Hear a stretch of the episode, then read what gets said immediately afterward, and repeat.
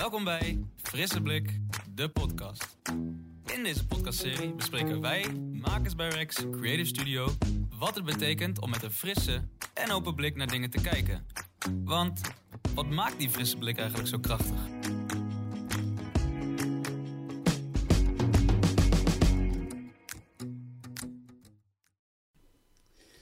Welkom Josien. Dit is alweer de laatste podcast van Frisse Blik en uh, jij bent de hekkensluiter. Super blij dat je uh, tijd kon vrijmaken. Ik zal jou even kort introduceren. Jij bent iemand die met Templar, het flexwerker, weer echt anders op de kaart wil neer gaan zitten. Op de kaart uh, vanuit een menselijke maat. Ik vond het fantastisch, want ik wist er eigenlijk zo weinig vanaf. Ik dacht, flexwerken, dat is gewoon wel leuk, dat is altijd goed, dat is prima. Maar jij hebt er echt even een, mij een frisse blik erop gegeven, al gewoon bij ons introducerend gesprek. Dus Josien, ik zie er enorm naar uit en ik hoop dat jij uh, ons mee gaat nemen in wat voor jou een frisse blik is. Leuk, bedankt dat je me hebt uitgenodigd. Ik kijk er ook naar uit. Ja, graag gedaan joh. Want wat, wat heb ik, was mijn introductie een beetje in de buurt van wat jij doet? Of uh, vertel Ja, eens hoor. gewoon, wie ben jij? Dat klopt. Nee, de introductie klopte zeker. Ehm, ik ben eh, geboren in het buitenland en heb ontwikkelingswerk, eh, althans mijn vader deed ontwikkelingswerk. En daar heb ik eigenlijk heel vroeg geleerd, hoe kan je nou naar dingen kijken waar iedereen wat in aan heeft. En hoe kan je nou zorgen dat er in die samenwerking gelijkwaardigheid blijft. Dus dat zit er eigenlijk een beetje in mijn DNA, heb ik eh, ontdekt door de jaren heen. Nou, Ja. Ik heb jaren in de uitzendbranche gewerkt. En ontzettend interessant. Er gebeuren mooie dingen. Maar wat mij opviel was dat er eigenlijk een machtsverschuiving heeft plaatsgevonden. Op dit moment heeft een uitzendkracht het vaak niet voor het zeggen. Of die denkt dat hij het niet voor het zeggen heeft. Ze zitten vast aan eh, afkoopsommen. eh, of eh, vast in een banencarousel. En toen dacht ik, zou dat nou niet anders kunnen? En dat is eigenlijk het zaadje geweest van, van Templar. En daar komt inderdaad die menselijke maat aan te pas die jij in je introductie aangaf. Want wat, wat, wat, wat, ja, wat was er mis daar in die, in die uitzendbranche? Ja, ja, want dat denkt voor, ik denk wel dat je dat vaker te horen krijgt, toch? Van, nou, het klinkt flexwerken en gewoon eh, de uitzendbranche, dat klinkt toch als een soort van comfortabel werken. En je, dat, ja, maar het zit dus een beetje anders in elkaar, hè, Josien? Ja, eigenlijk wel. Als je kijkt naar, ik denk dat het doel van de flexwet is dat het juist zo in elkaar zit dat je flexibel werk kan vinden, lage risico's hebt en dat het eigenlijk iets heel moois is. Ja. Maar door de jaren heen is dat gewoon toch wel veranderd. Een uitzendkracht zit vast, die komt vaak niet in aanmerking eh, voor een vast contract, terwijl dat wel nodig is voor heel veel eh, dingen, zoals huizen kopen of eh, leningen afsluiten.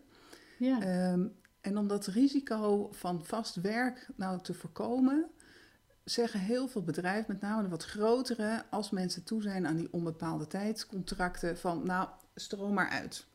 En dan Ja, gaan ze vaak een half jaar, gaan ze, vaak krijgen ze dan een uitkering, bouwen ze geen pensioen op en dan mogen ze na een half jaar weer vooraf aan beginnen. Dat is eigenlijk de welbekende banencarousel. ja, ja. Ehm, en daarnaast heb je dat als iemand wer- ergens werkt en dat bevalt heel goed en een bedrijf zegt, nou, ik wil je wel overnemen, dat dan een uitzendbureau zegt, ja, maar dan eh, moet je even een fikse afkoopsom betalen. En ik vraag me af of je dat nog moet willen. Eh, ik snap dat er wervingskosten zijn eh, geweest, dus dat iemand er ook iets aan moet verdienen. Hè. Dat is een gezond businessmodel, lijkt me prima. Maar je staat eigenlijk in de weg van iemands geluk naar... ik wil graag bij dat bedrijf werken en ik wil er graag bij horen. ja, precies. Dus dat, dat is de reden dat wij hebben gezegd, dat doen we niet. Ehm, en we hebben daarnaast gedacht, hoe kan je nou die mensen helpen die in die positie zitten? En de bedrijven en de uitzendkrachten. En eigenlijk, en dat weet een uitzendkracht niet, heeft hij het wel degelijk voor het zeggen. Want als hij denkt van, ik wil heel graag bij bedrijf A werken... Maar ze zeggen, ja, dat kan nog niet, want dat kost 5000 euro. Ga eerst nog maar een half jaar doorwerken. Als ze Mhm. zich dan bij ons aanmelden, of bij een ander uitzendbureau, dan kan je via de overstapservice kan je gewoon wel overgenomen worden. Want een uitzendkracht mag eigenlijk zelf bepalen via welk uitzendbureau hij of zij werkt. dan raakt dat uitzendbureau waarschijnlijk wel dat, ja, die gage kwijt, zeg maar, van, eh, Het, Ja. De afkoopsom. Ja, en ik denk dat dat moet. Wij hebben geen Oh. afkoopsom. En ik, ik weet dat in die uitzendbranche, daar zit zoveel innovatie. Ja. Als je nou die uitzendbranche uitdaagt om te kijken van hoe kan je dan een ander verdienmodel verzinnen, dat je mensen niet in de weg staat om naar vast werk te gaan. Om uit de uitzendmarkt te stappen als ze die kans hebben. Ja, dat is wel een hele frisse blik. Want dan, dan raken ze dus best een pot geld met geld kwijt, zeg maar. Maar jij hebt Ja. dat met Templar gewoon gedaan. Je hebt Ja. gewoon gezegd, ik ga het gewoon anders doen. En wat heb je dan precies anders gedaan? Ehm, wij hebben twee dingen. Als iemand ergens werkt en ze kunnen overgenomen worden, dan kan dat gratis. Dan zeggen Ja. we succes met de visie, de markt is groot genoeg, de klant komt terug en een uitzendkracht geeft door aan anderen. Je moet bij Templar zijn, want die werken anders. Ehm, maar je kan ook zeggen, als een bedrijf echt een vaste medewerker zoekt, dan is het eigenlijk gewoon een soort werving en selectie. En dan zoek je gewoon iemand die rechtstreeks instroomt willen ze niet meteen eh, een contract aanbieden en eventjes tijdens, tijdelijk uitzenden, dan zeg je oké, van dat bedrag gaat Ja. elke week iets af van het uitzenden. Dus dan draai je hem om. Dus het bedrag wordt sowieso betaald en wil je iemand eerder overnemen, is dat geen probleem. Oh, dat klinkt wel als, als, als, een- als een heel simpel. Had je dat ook gewoon dat je s'nachts ineens dacht, ik je werd wakker en je dacht ineens, of heb je dat wel vaker zo'n frisse blik, dat je denkt, dat kan toch anders? Ja, ja, ik heb heel vaak dat ik denk, Ja? nee, maar dit klopt niet. En dan iets in je systeem zegt, hé, hey, dit klopt niet. En dan ga je puzzelen en nadenken en dan komen er soms ideeën. Nou moet ik heel eerlijk vertellen, Ja. dat bij dit idee hadden we op een gegeven moment, dachten we, ja, zo moet het. En toen was ik het een week kwijt. Dat heb ik nog nooit gehad. Toen dacht ik, hoe had ik het ook weer precies bedacht? Ja, dat, dat, dat is zo dat je, ja, had ik het maar in een boekje Ja, opgeschreven. precies. en toen kwam het gelukkig weer bij me terug. Dus dat was een enorme opluchting. Maar dat was een lastige week, kan ik je heel eerlijk vertellen. Ja, Maar ik, ja, ik heb dat vaker. En ik denk dat dat komt gewoon ook van hoe we opgevoed zijn. Kan je nou niet iets verzinnen waar iedereen iets aan heeft? Ja en wat, wat geeft dat, hè, als we daar toch op inzoomen, want ik vind je, je oplossing met Templar, en dat, dat vind ik ook dapper, en ik vind het ook super stoer, maar ik vind het ook wel super interessant dat je dus vanuit je roots gewoon die gelijkwaardigheid, eh, ehm, ja, dat gevoel voor gelijkwaardigheid meegekregen hebt. Ja. En hoe denk jij dat jij, ehm, kijk je hebt ook mensen die gewoon meer zo'n uit, ouderwets uitzendbureau hebben bijvoorbeeld, Ja. die zijn heel erg uit op die winst. Ja. Denk- wat denk je, welke schakel missen zij? Want zij krijgen er heel veel voldoening van, maar jij hebt ook heel veel voldoening. Kan je mij helpen Ja. om te begrijpen wat dat verschil is? Of, Ik denk dat het verschil zit in de voldoening bij een uitzendbureau gaat heel erg om scoren. scoren? En Oh ja. hoeveel eh, eh, marges je maakt en hoeveel winst. Dus een uitzendbureau is vaak gedreven op waar verdien ik de meeste marge of waar heb ik ehm, SLA-afspraken waardoor ik daar iemand per se neer moet zetten. Dus dan ga je voorbij aan wa- waar past iemand het best. Ja, En dat komt denk ik door de sturing. Want de mensen op de vloer, die zitten er eigenlijk allemaal zo in.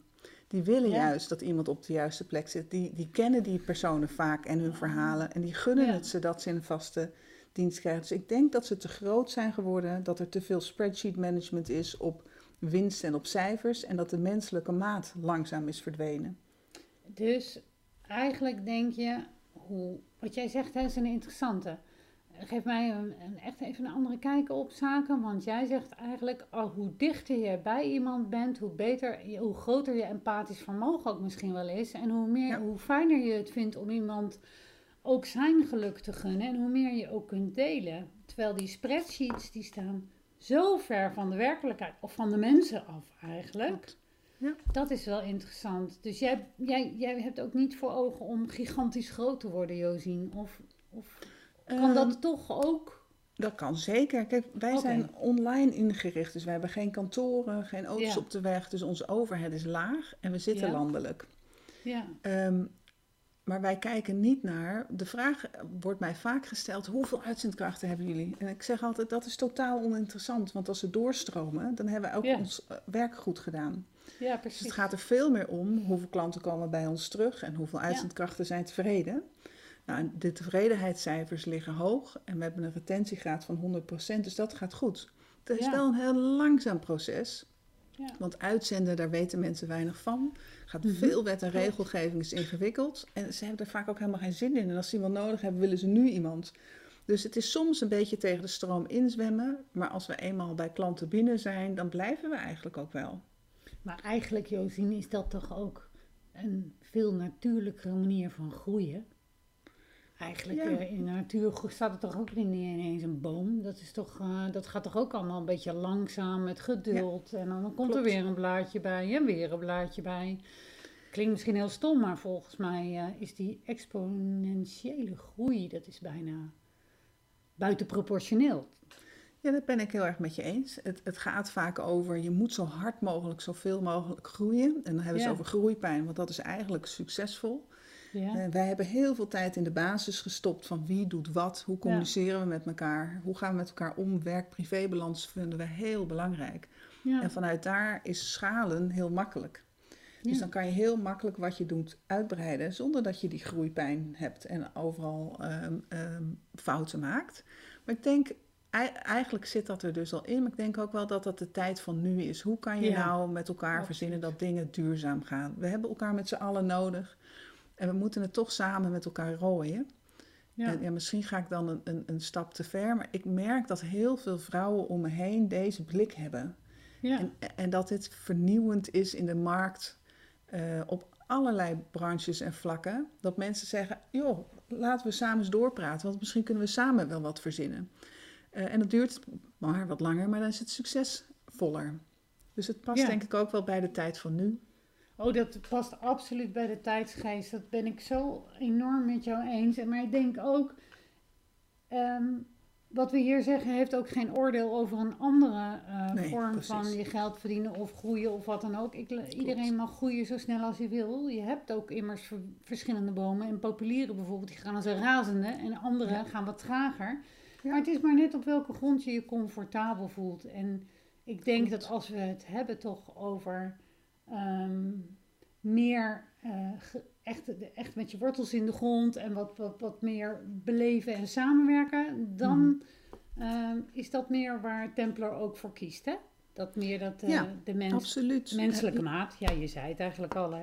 Ja, Ja. En, en wat jij zei, dat empathisch vermogen. Ik denk dat heel veel mensen, de intercedenten en de consultants, Ja. die hebben dat empathisch vermogen. Dus dat is naar de medewerkers toe, maar Ja. ook naar de bedrijven. En dat maakt dat zijn mensen die normaal gesproken geen kans hebben bij een bedrijf, nu zeggen: Ik ken daar iemand en ik weet zeker dat je er past, ik doe mijn best voor je. En dat is eigenlijk het mooie van de flexwet. Die zorgt, hoe een- als, als een uitzendbureau dat goed implementeert, die zorgt ervoor dat mensen kansen krijgen die ze anders niet kregen. Dus ik ben wel fan van uitzendbureaus en van de flexwet. Ik, mijn advies is alleen, volgens mij kan je op een aantal vlakken het anders inrichten. En vanuit daar hebben we gezegd, we gaan het gewoon zelf proberen. ja, en dat is heel mooi, want dat las ik volgens mij ook op jullie website.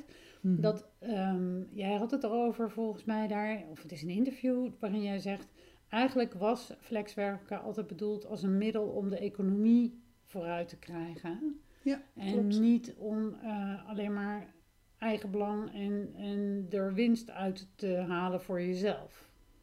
Ja, ik, ik denk echt dat als je de flexwet weer wat meer in zou zetten, waar alle drie partijen wat meer aan hebben, Ja. dat je de economie vooruit kan helpen. Want het is met lager risico kan je groeien als bedrijf. Mhm. Als je al die afkoopsommen en je overhead wellicht wat drukt, het wat minder duur maakt en je personeelskosten zijn vaak hoog, wat lager weet te maken daardoor, dan hebben wij als BV Nederland daar met z'n allen wat aan. Maar ik durf zelfs zo ver te gaan als je, als je de manier van ons, onze manier van werken eh, in Nederland heel groot zou maken, dat je zelfs in de concurrentie met andere landen gewoon naar voren kan gaan. Dat je je concurrentiepositie weet te verbeteren. Je kan Want? sneller, je bent flexibeler en je personeelskosten gaan naar beneden. Oké, dus ei- uiteindelijk gaat het er ook, is dat ook een, een, een stille boodschap van probeer over je eigen schaduw heen te kijken. Ja, dus over de zeker. dingen waarvan je van tevoren dacht van hé, hey, dat zit gewoon zo in elkaar en zo is het. En dan daarachter is het lonkend perspectief van eigenlijk allemaal hele mooie dingen. Die ook Ja. bedrijfsmatig super Ja. interessant zijn. Ja, ja, absoluut. Zo kijk ik er echt naar. Dat is echt een hele grote frisse blik, Josie, die jij hebt. Ja, jij zei, ik zoek iemand met een frisse blik. Nou, Zo doe je. Ja. ja, maar dat is wel mooi. Want ik vind ook, je, je, je legt het aan mij uit dat ik het ook begrijp. En dat vind ik ook wel prettig. Want dat ehm, is toch best lastige materie ook. Want jij hebt er ook echt verstand van. Want je hebt er jaren in gewerkt. Ja, ja dat Dus je klopt. weet waar je het over hebt. Van Ja. ook het oude denken en het nieuwe denken wat jij wil eh vooruitjagen. Ja, we hebben echt gekeken naar wat is nou de essentie. En hoe kan je alleen Ja. over de essentie spreken? Want in het begin werd ik ook, moet ik eerlijk zeggen, veel afgeleid door regeltjes en wetgeving en dat Mhm. allemaal uitleggen. En, maar het gaat eigenlijk om die essentie. Van zet Ja. die flexwet in als brug naar vast. Wil je een flexlaag hebben omdat je bedrijfsmatig zegt dat is voor mij belangrijk, want ik deins mee op seizoenen of Ja. ik krijg een order binnen en ik weet de toekomst niet. Is flexwet ook eh, de eh, flexwerkers is ook prima, of een flexschil hebben is ook prima. Maar dan moet je heel eerlijk tegen de mensen communiceren die bij jou werken. Dit is absoluut tijdelijk. Je gaat geen kans krijgen op vast werk. En sommigen Ja. vinden dat prima. Die zeggen, ik verdien wat omdat ik op wereldreis ga. Ik weet toch nog niet wat ik wil, ik doe tijdelijk wat. Maar dan heb je een gelijkwaardigheid in dat beide weten waar ze aan toe zijn. En dat is ook heel mooi wat je nu als, ten- tenminste, althans, het is niet heel mooi. Het komt op mij, ik ervaar dat als iets heel moois wat jij zegt. Je bent eerlijk, je bent transparant en dat is ook super belangrijk, want dan neem je iemand ook serieus mee. Dus zo'n flexwerker wordt serieus genomen, dat zeggen het is tijdelijk. Dat is het gewoon. Ja. Maar dat wordt Ja. dus nu soms niet verteld, want dan wordt er dus een soort van vette worst voorgehouden, waar, ehm, waar van tevoren eigenlijk al helemaal geen, eh geen snaars van waar was. Ja, nou in, in, in de banencarousel werken mensen met het idee... misschien lukt het me ooit om daar in dienst te komen. Ja, Maar ze weten te Ja. weinig dat er een heleboel bedrijven zijn die uiteindelijk, en dat is vaak het midden- en kleinbedrijf, familiebedrijven Mhm. helemaal, die zijn behoorlijk sociaal naar werknemers, Ja, ja. die uiteindelijk gewoon mensen in dienst willen nemen, maar die even die stap nodig hebben van, van de flexwet. ja. En als je dus bij de voordeur tegen iemand zegt, wat is eigenlijk wat je wil? Zoek jij werk eh, waar je uiteindelijk bij een bedrijf een vaste baan krijgt? Of zeg je, ik doe tijdelijk wat? Dan maak je een eerlijke schifting, ook naar het bedrijf zelf toe. En een, een medewerker gaat harder werken als hij weet dat hij kans maakt op werk. We hebben een rondje gedaan, ehm, hadden we een aantal uitzendkrachten gebeld. En toen zei iemand bijna fluisterend tegen ons, ik heb gehoord dat als je hier door fase A heen komt, dat je gewoon aangenomen wordt. Zeiden we, ja, dat klopt. ja. Wij sturen zes weken voordat dat eerste stuk voorbij is, dat je in de contractstructuren komt, sturen wij al onze bedrijven een, een mailtje en zeggen: iemand komt eh, eh, in aanmerking voor een fase B. Dat is een contractstructuur. Het zou een compliment zijn als u hem of haar overneemt. ja. En dat gebeurt 9 van de 10 keer. Dus mensen hebben bij ons, dus ook de mensen die zeggen: Ja, maar, eh, ik ben ouder, ik kom nooit meer aan werk. Nou Twee weken geleden iemand van 63, gewoon een vaste baan. Het kan echt. Ja, fantastisch. Maar dat is niet zo, dus dat, want dat, dat weet ik uit de praktijk ook. Dat zo'n vaste baan stelt ook niet meer zoveel voor, zeg maar. Want ontslag is ook makkelijker geworden. Ontslag is absoluut makkelijker geworden. Ik denk Ja. dat dat ook wel goed was, want het, het was zo strak, zaten bedrijven vast dat je ze bijna om kon trekken als het misging. Ja, Maar als je goed uit elkaar gaat, dan zijn er in Nederland zijn de dingen gewoon dusdanig goed geregeld dat iemand iets meekrijgt en dat je vervolgens eh, een uitkering Ja, aan kan vragen. ja, dus je valt terug op een sociaal stelsel waar we, we met z'n allen aan betalen. Alleen wij moeten dan vervolgens niet zeggen, ja, dat is maar een uitzendkracht. Wij moeten zeggen, hé, hey, dat is potentie. Daar zit Ja. iemand, die heeft nu een uitkering. We gaan aan de voordeur vragen, wat wil jij? Wil je tijdelijk werk of wil je weer vast werk? Of ben je Ja. al even uitgewerkt voor een maand of twee? En het, in alle facetten van wat wij doen, ehm, zou ik graag wat meer de menselijke maat terugzien. Zou ik wat Ja. meer kijken naar, het gaat om mensen. We zijn met mensen bezig. En als je mensen serieus neemt, betrekt, mensen willen vaak ergens bij horen, familie of werk, dan eh, worden ze productiever en worden ze uiteindelijk gelukkiger. En dat, dat werkt allemaal in elkaar door. Daar ben ik van overtuigd. ja, want dan haal je ook weer hoger rendement. Eigenlijk eh, inderdaad allerlei zaken die ook omzet en technisch gewoon interessant zijn en Ja, dus relevant. uiteindelijk als je de cirkel rond maakt, is het zelfs voor spreadsheet management interessant om op deze manier naar mensen te kijken. Ja, alleen inderdaad vanuit een, een spreadsheet wat ze nog even moeten ontwikkelen, een handboek, Josie. Of wellicht wat bijschaven. Ja, precies. Ja. Ja. maar ja, het is wel, het is inderdaad nieuwe tijd of van deze tijd, inderdaad. Als je kijkt naar hoeveel ehm, veranderingen er zijn om vanuit zo'n hele vaste structuur veel meer te kijken van hoe halen we eigenlijk optimaal het, de voldoening naar boven. Ja. Dus dat is, eh, maar dan heb jij wel een heel mooi eh, domein eh, te pakken daar, eh Josien. Dankjewel. Ja, als jij zeker vanuit jouw oorsprong, waarin je vanuit die gelijkwaardigheid die opvoeding hebt meegekregen, ben je nu toch een, een, een- niet alleen een strijder daarvoor, maar je hebt ook praktisch een systeempje en een, dus in de vorm van een businessmodel neergezet, wat ook Ja. daarvoor kan gaan zorgen. Ja, dat, ik, dit is een van de mogelijkheden, denk ik. En ik heb Ja. eigenlijk ook altijd gezegd, ik hoop dat ik gekopieerd word. Want dat betekent dat het werkt en dat anderen het ook gaan doen. En dat we met Ja. z'n allen vooruit gaan. Die markt is zo groot, die hoef ik niet in mijn eentje. Maar Nee, laten nee. we elkaar uitdagen om anders naar die markt te kijken. En niet met wetgeving en regeltjes nog meer labmiddelen, en waardoor de complexiteit vergroot. Maar weer Ja. terug naar de basis. Werkgever, werknemer, de menselijke maat, gelijkwaardigheid. En vanuit daar, hoe kan je elkaar nou vinden en daar gewoon een gezond businessmodel op loslaten. Ik kan daar haast niet op wachten om van jou, Josien, nu die drie tips te krijgen, zodat we ook eh, echt daar helemaal klaar voor zijn. Je legt de lat heel hoog. Ja. Eigenlijk hè. is het net als ons model heel simpel. Volg je hart en je instinct. Dat is het allerbelangrijkste. Dat zijn de beste raadgevers. Die voelen feilloos aan of iets wel of niet klopt.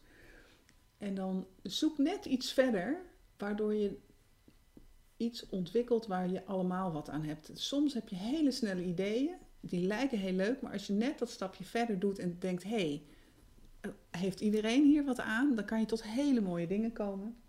En als laatste, hou contact met de jeugd. Als je innovatie wil of een frisse blik wil, Ja, dat, dat is, daar komen ideeën van, daar komen vragen van, oplossingen uit.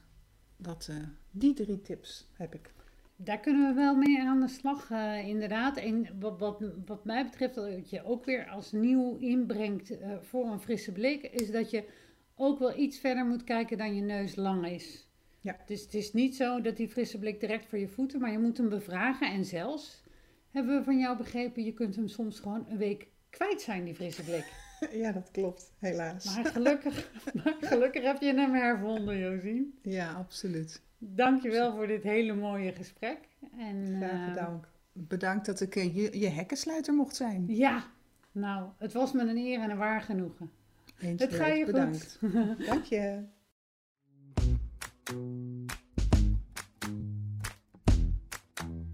Bedankt voor het luisteren. En we inspireren jullie graag weer met een nieuwe frisse blik, de podcast. Tot de volgende.